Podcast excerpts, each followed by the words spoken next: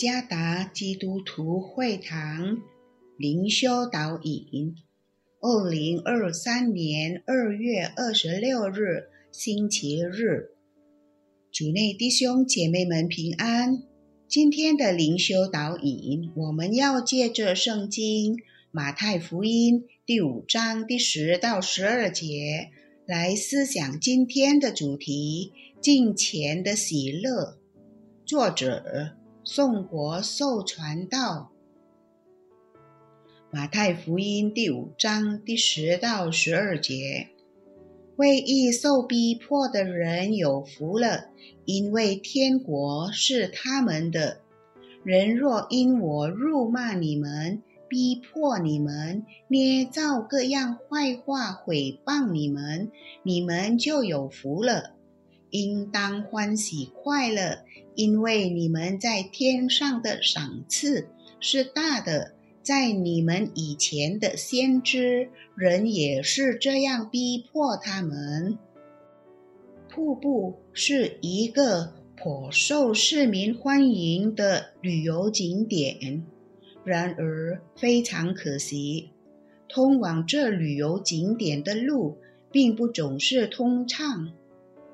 游客必须经过漫长且道路曲折陡峭的旅行路线。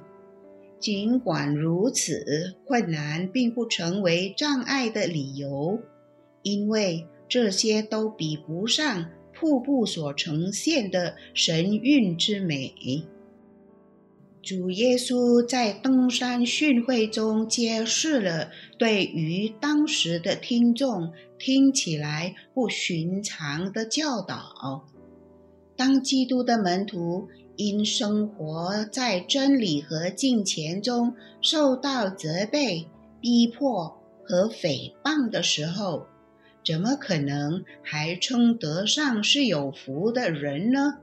显然。主耶稣要引导他的门徒们，将目光从今世的困难转向为他们在永恒中所预备的，就是属天的巨大奖赏。这是无法与所有的财富相比的奖赏，是有关神与他子民全然同在的奖赏。是神的子民与造物主和救赎主在一起荣耀的时刻，正是这属天的奖赏，才能坚强耶稣的跟随者，即使他们在面对困难和苦难，仍然能以敬虔生活的信念保持喜乐。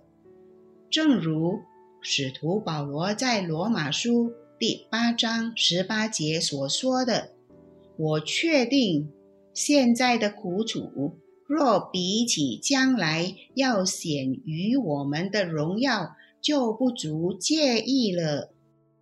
当我们致力活在真理中，并按照神国度的价值观时，的确要付出代价，并会有危难，因为。”这些都与世界所提供的生活原则相反。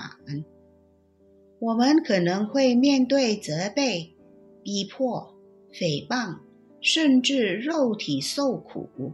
但是，让我们的心和视线始终专注于圣灵保惠师，他将赐我们力量。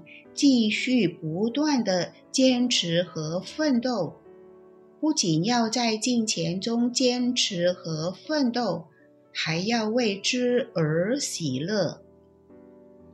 即使他所爱的人必须因金钱而受苦，神所赐的属天应许一定会带来喜乐。主耶稣赐福。